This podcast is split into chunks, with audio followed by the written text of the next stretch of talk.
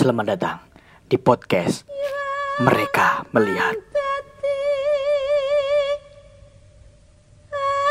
Kita mulai ceritanya. Kejadian ini bermula saat aku dulu melakukan sebuah trekking ya di sebuah gunung di Jawa Timur. Gunung ini adalah salah satu gunung tertinggi atau aku bisa bilang bahwa ini adalah seven summit untuk para pendaki di Indonesia yaitu Gunung Merbabu dan targetnya adalah sampai ke Mahameru gitu aku datang dari kotaku dari kota Solo berdua hanya dua orang. Dengan prepare sebenarnya ya udah siap semua gitu loh dan kita ngikutin open trip teman-teman dari kalau nggak salah dari Sulawesi kali ya. Dan kita ketemu di Malang.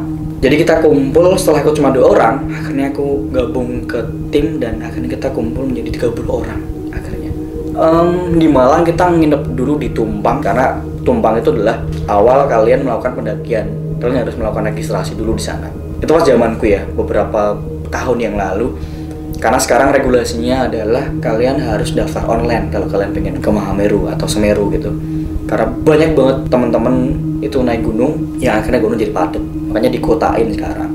Nah, ketika kalian itu udah sampai tumpang kayak aku dulu, kita nginep sehari. Terus setiap harinya kita sebelum berangkat kita naik jeep kan. Dan aku nggak tahu kenapa kenapa firasatku sejak awal udah kayak gak enak gitu. Jeep itu tiba-tiba banyak kempes. Kita lagi keluar base camp. Aku bilangnya base camp ya sebenarnya. Itu itu sebenarnya kayak rumah warga aja gitu loh. Tiba-tiba bannya bocor dan akhirnya beberapa jeep yang satu rombongan dengan aku juga harus berhenti untuk nungguin gitu loh satu jam kemudian jeep sudah beres, sudah ganti ban, kita lanjut perjalanan dari Tumpang ke Ranupane. Sekitar ada kali ya hampir dua jam dari Ranupane, eh dari Tumpang ke, Ranu, ke Ranupane. Ranupane ini adalah desa terakhir yang pendaki nanti akan melakukan cek semua registrasi di sebuah pos. Jadi kalian bakal dicek semuanya di situ. Apakah kalian sudah sesuai dengan regulasi yang diberikan oleh TNBTS. TNBTS itu Taman Nasional Bromo Tengger Semeru. Jadi ada regulasinya. Setelah tim tim timku ini dicek semuanya, bawanya apa aja, kita langsung jalan trekking, jalan lurus, lempang sampai kemudian mulai tanjakan. Sebenarnya apa yang aku pikirin pertama adalah aku excited banget bakal ngedaki gunung tertinggi di Jawa. 3600 sekian. Kalau nggak salah MDPL aku lupa berapa MDPL karena ini adalah masuknya di tujuh gunung tertinggi di Indonesia gitu Semeru ini. Oh ya aku aku ngetem dulu kita berangkat itu sore hari jam kalau nggak salah jam 4 sore atau jam 5 sore gitu udah mau maghrib terus kita jalan. Target kita adalah ngecamp di Ranukumbolo di perjalanan kita emang sempat ngelewatin senja ya teman-teman. Ya buat teman-teman semua yang suka senja di gunung kita sempat ngalamin senja pas mau TW ke Ranukumbolo pas banget udah mulai gelap kita udah nyalain center nggak tahu kenapa rasa itu udah kayak mulai muncul entah aneh nggak tahu sih. Nggak tahu ya buat kalian semua yang selama naik gunung apakah juga ngalamin hal yang sama? Serupa dengan ketika udah mulai gelap gitu. Jalan jalan jalan jalan udah mulai naik. Di sebelah kiri kayak aku tuh bisa ngerasa bahwa di sebelah kiriku ada sebuah kayak danau gitu. Dan ada timku yang udah pernah ke situ dia ngomong bahwa teman-teman di sebelah kiri kita danau Ranukumbolo pas banget firasat tuh karena sebelah kiri ini benar-benar tebing dan benar nggak kelihatan. Tapi aku udah firasat ada air di bawah sana gitu setelah sampai di Ranukumbolo kita langsung diriin camp di situ. Kita camp semalam. Karena sejujurnya yang aku rasain otak ini udah nggak bisa pikir lagi gitu biasanya. Karena kita lelah banget. Karena kita perjalanan dari Solo. Solo Malang Malang ke Ranupani Ranupani kemudian kita ke sampai ke Ranukumbolo itu udah bener-bener lumayan nguras tenaga. Di situ malam hari kita sampai Ranukumbolo kalau nggak salah kalau nggak salah jam 10 11 malam. Habis itu kita makan dengan keadaan dingin banget habis makan kita benar-benar nggak ada kepikiran untuk gitaran atau nyanyi atau merasakan sebuah suasana di Ranukumbolo kita tidur. Belum sama sekali ada firasat atau gangguan dari makhluk-makhluk yang ada di gunung ya. Kalau itu sampai paginya kita bangun kita harus prepare untuk ke Kalimati. Kalimati ini adalah batas terakhir teman-teman pendaki batas safety. Jadi dari TNBTS sebenarnya udah memberikan sebuah warning ke teman-teman pendaki bahwa kalian batas aman hanya sampai di Kalimati. Dan ketika kalian tetap lanjut dan tetap nggak mau tahu tentang batasan ini, kalian udah keluar dari tanggung jawab apa ya, regulasi yang udah diberikan oleh tim ya. Mungkin jadi tim sar atau tim-tim di situ. Jadi regulasi itu benar-benar udah dibikin untuk keselamatan teman-teman semua pendaki. Karena sejak awal teman-teman memang targetnya sampai ke Mahameru ya. Dan mereka semua juga nggak maksa. Kalau memang keadaannya nggak sampai di sana juga nggak apa-apa. Tapi memang target utama sampai ke Mahameru.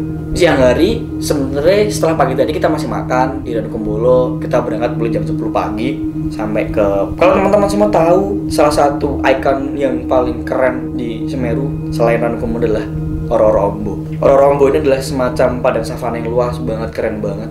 Kalian bakal bakal excited banget saat ngelewatin di sana. Apalagi pas musim hujan ya dan. Warnanya sedikit ke hijau-hijauan kuning gitu keren banget.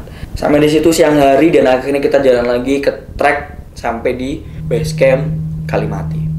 Di sinilah kemudian tim udah udah briefing sejak sore karena kita sampai sore.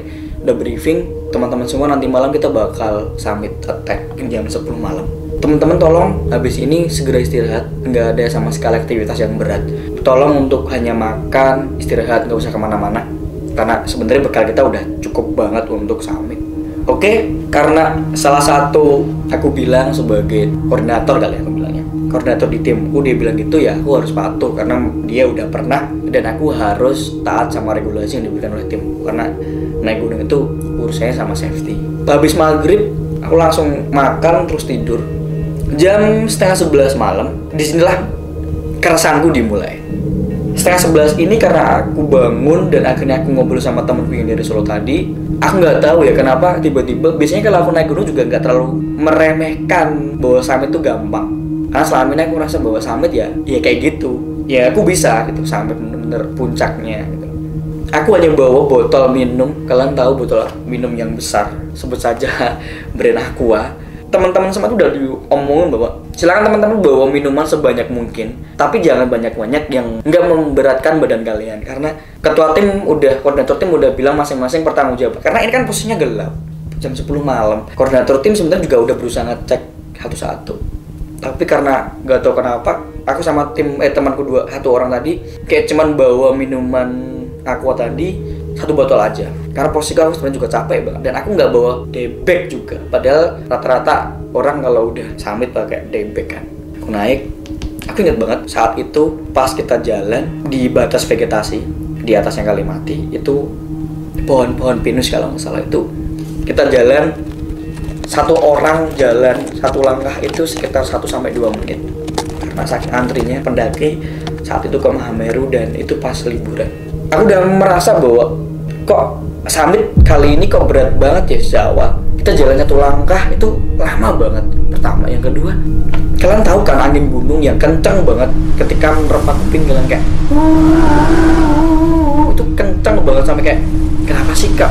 Malam ini anginnya kencang banget dan bikin kayak feel itu nggak enak ya aku jalan aku jalan. Pas banget itu di antara batas vegetasi dan oh ya namanya kelik. Batas vegetasi dengan kalau kalian udah pernah ke Mahameru atau kalian pernah lihat film 5 cm batas vegetasi itu dia masih tanah biasa. Jadi kayak apa ya kalau diomongin ya kayak semacam tanah padat lah tanah padat. Tapi kalau udah masuk ke kelik dia udah kayak tanah berpasir. Di samping kanan kiri ketika pohon udah nggak ada eh sebelum sebelum pohon itu nggak udah nggak ada ternyata teman-teman di sana tuh banyak banget nisan kalau kalian tahu Sohogi Sohogi kan juga meninggal di situ. Karena dia kena hipotermia. Nggak tahu kenapa lagi tiba-tiba ketakutanku semakin tinggi. Aku juga nggak sa juga nggak bisa untuk menolak bahwa ternyata di sini banyak banget nisan atau petilasan. Yang membuat tuh kayak nggak tahu tiba-tiba memang kayak aduh kok berat banget ya semakin tinggi semakin ke sana sampai pada akhirnya ketika aku udah sampai kelik dan aku merasakan pasirnya Mahameru itu semakin berat banget kanan kiri udah jurang. Karena selama ini aku juga berusaha belajar tentang regulasi naik gunung yaitu safety first. Karena aku atau badanku ini udah kayak menolak untuk sampai ke puncak karena aku melihat bahwa lampu dari center pedang itu masih jauh banget sedangkan mereka jalannya lama banget. Oke aku bilang sama salah satu kan 30 orang ini dibagi ada core-nya masing-masing. Jadi kayak 10 orang. Aku lupa sih 10 orang atau 8 orang itu ada core masing-masing juga ada swipernya juga. Aku bilang sama swiper di timku di 8 orang terakhir itu bilang bang kayaknya aku udahan deh. Nggak bisa nggak bisa lanjut sampai ke puncak. Dia nanya kenapa Han? Oh, udah nggak kuat. Ini minum dulu. Dia dia nawarin minum ke aku. Mungkin lelah kali ya aku. Setelah minum dia kayak memberikan sebuah motivasi lagi. Ayo Han coba coba lagi aja nggak apa-apa. Untuk kamu buktiin bahwasanya kamu tuh memang lelah cuma lelah bukan karena apa-apa. Mungkin dengan minum kamu masih bisa kuat lagi buat naik. Oke deh setelah swiper dari tim ini memberikan sebuah semangat lagi akhirnya aku oke deh aku jauh-jauh dari Solo tak coba untuk naik lagi gitu. Satu dua tiga langkah sampai lima langkah mungkin aku inget aku udah nggak kuat aku angkat tangan aku bilang ke swiperku bang aku turun.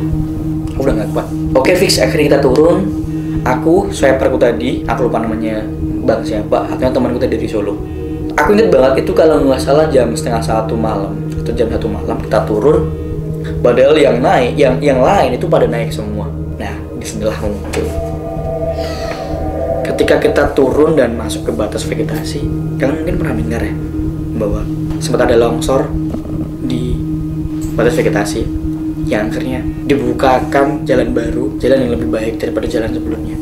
Nggak tahu kenapa? Karena di de- depan tuh aku tiga orang ini secara tanpa sadar aku memilih ambil jalur kanan. Padahal harusnya ambil kiri. Jalur kanan ini adalah jalur lama jalur longsor jalur bahaya yang udah nggak bisa lagi sebenarnya dilalui gitu. Bisa tapi sangat berbahaya sekali buat pendaki. Tiba-tiba saja aku denger dari belakang swiperku bilang Farhan kamu mau ke mana? Stop di situ jangan jalan lagi. Dengan keras banget aku dipegang tangan dari bela- dari belakang ini. Sontak aku langsung berhenti dan swiperku tadi langsung di depan. Dia langsung ngecek depan.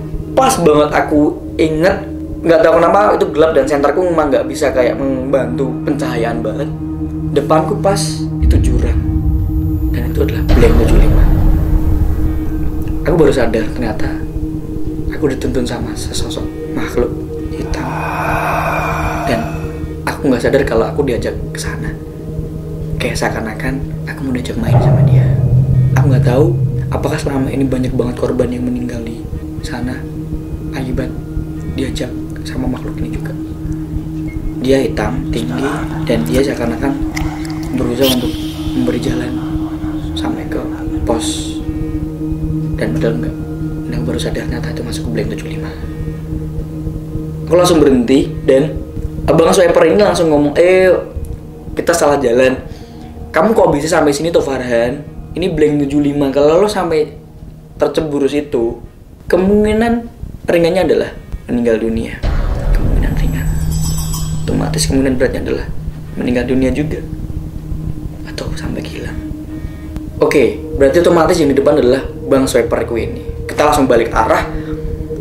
Ketika pas balik arah balik ke jalur yang benar aku langsung menghadap ke belakang. Aku inget banget wah anjir gue merinding lagi.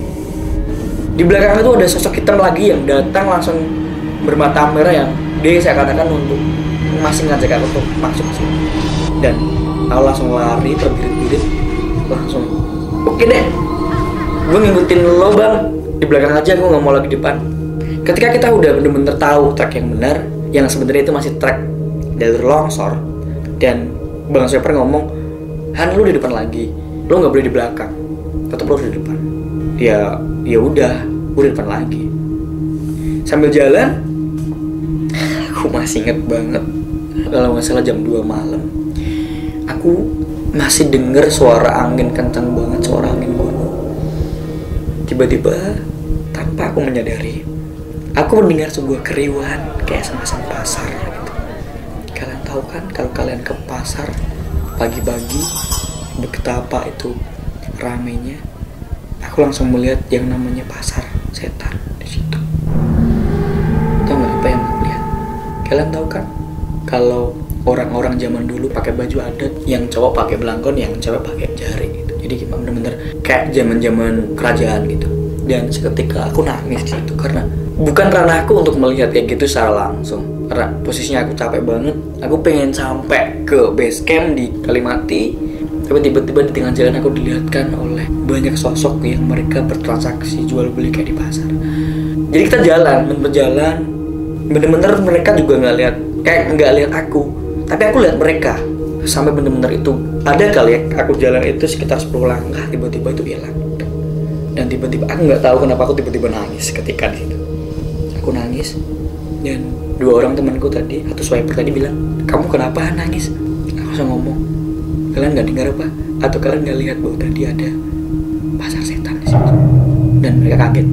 Aku langsung istirahat di situ disuruh untuk berhenti dulu untuk minum. Siapa tahu memang aku lagi halu gitu loh. Aku masih memberanikan diri untuk segera turun karena ketakutanku makin tinggi. Setelah aku melihat banyak sosok sebenarnya mereka juga kayak manusia biasa gitu loh nggak aneh-aneh. Setelah aku berani dan aku berdoa masih dalam keadaan masih uh, mata merah turun lagi.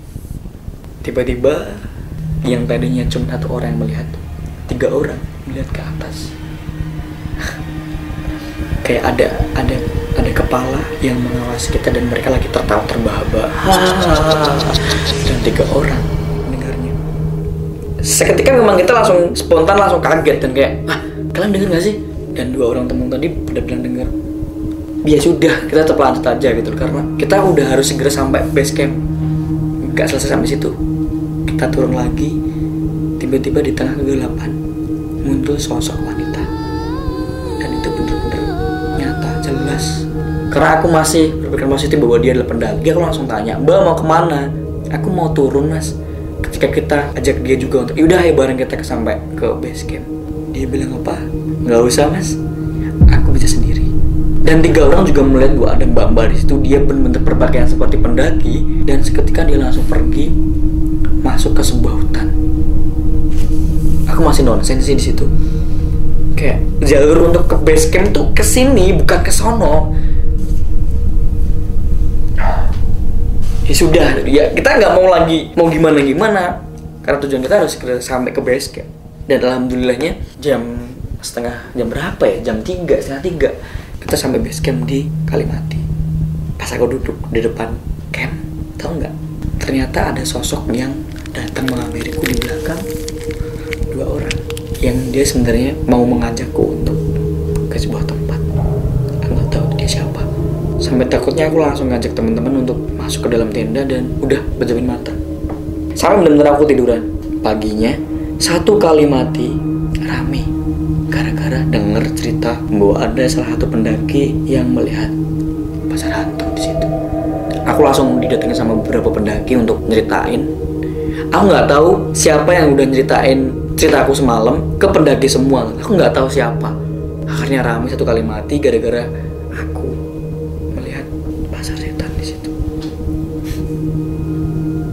Sebenarnya kalau kalian tahu, gunung adalah salah satu tempat rumah mereka kerajaan mereka tuh di gunung dan di laut. Sebenarnya kisah ini aku bagi kalian supaya kalian ketika pengen naik gunung nggak sembarangan, nggak sembrono, nggak ada prepare, nggak ada doa, nggak ada izin sama sekali. Yang akhirnya kalian hanya pengen fokus ke sampai puncak foto-foto. Padahal kalian harus ngejaga attitude, kalian harus ngejaga semuanya lah.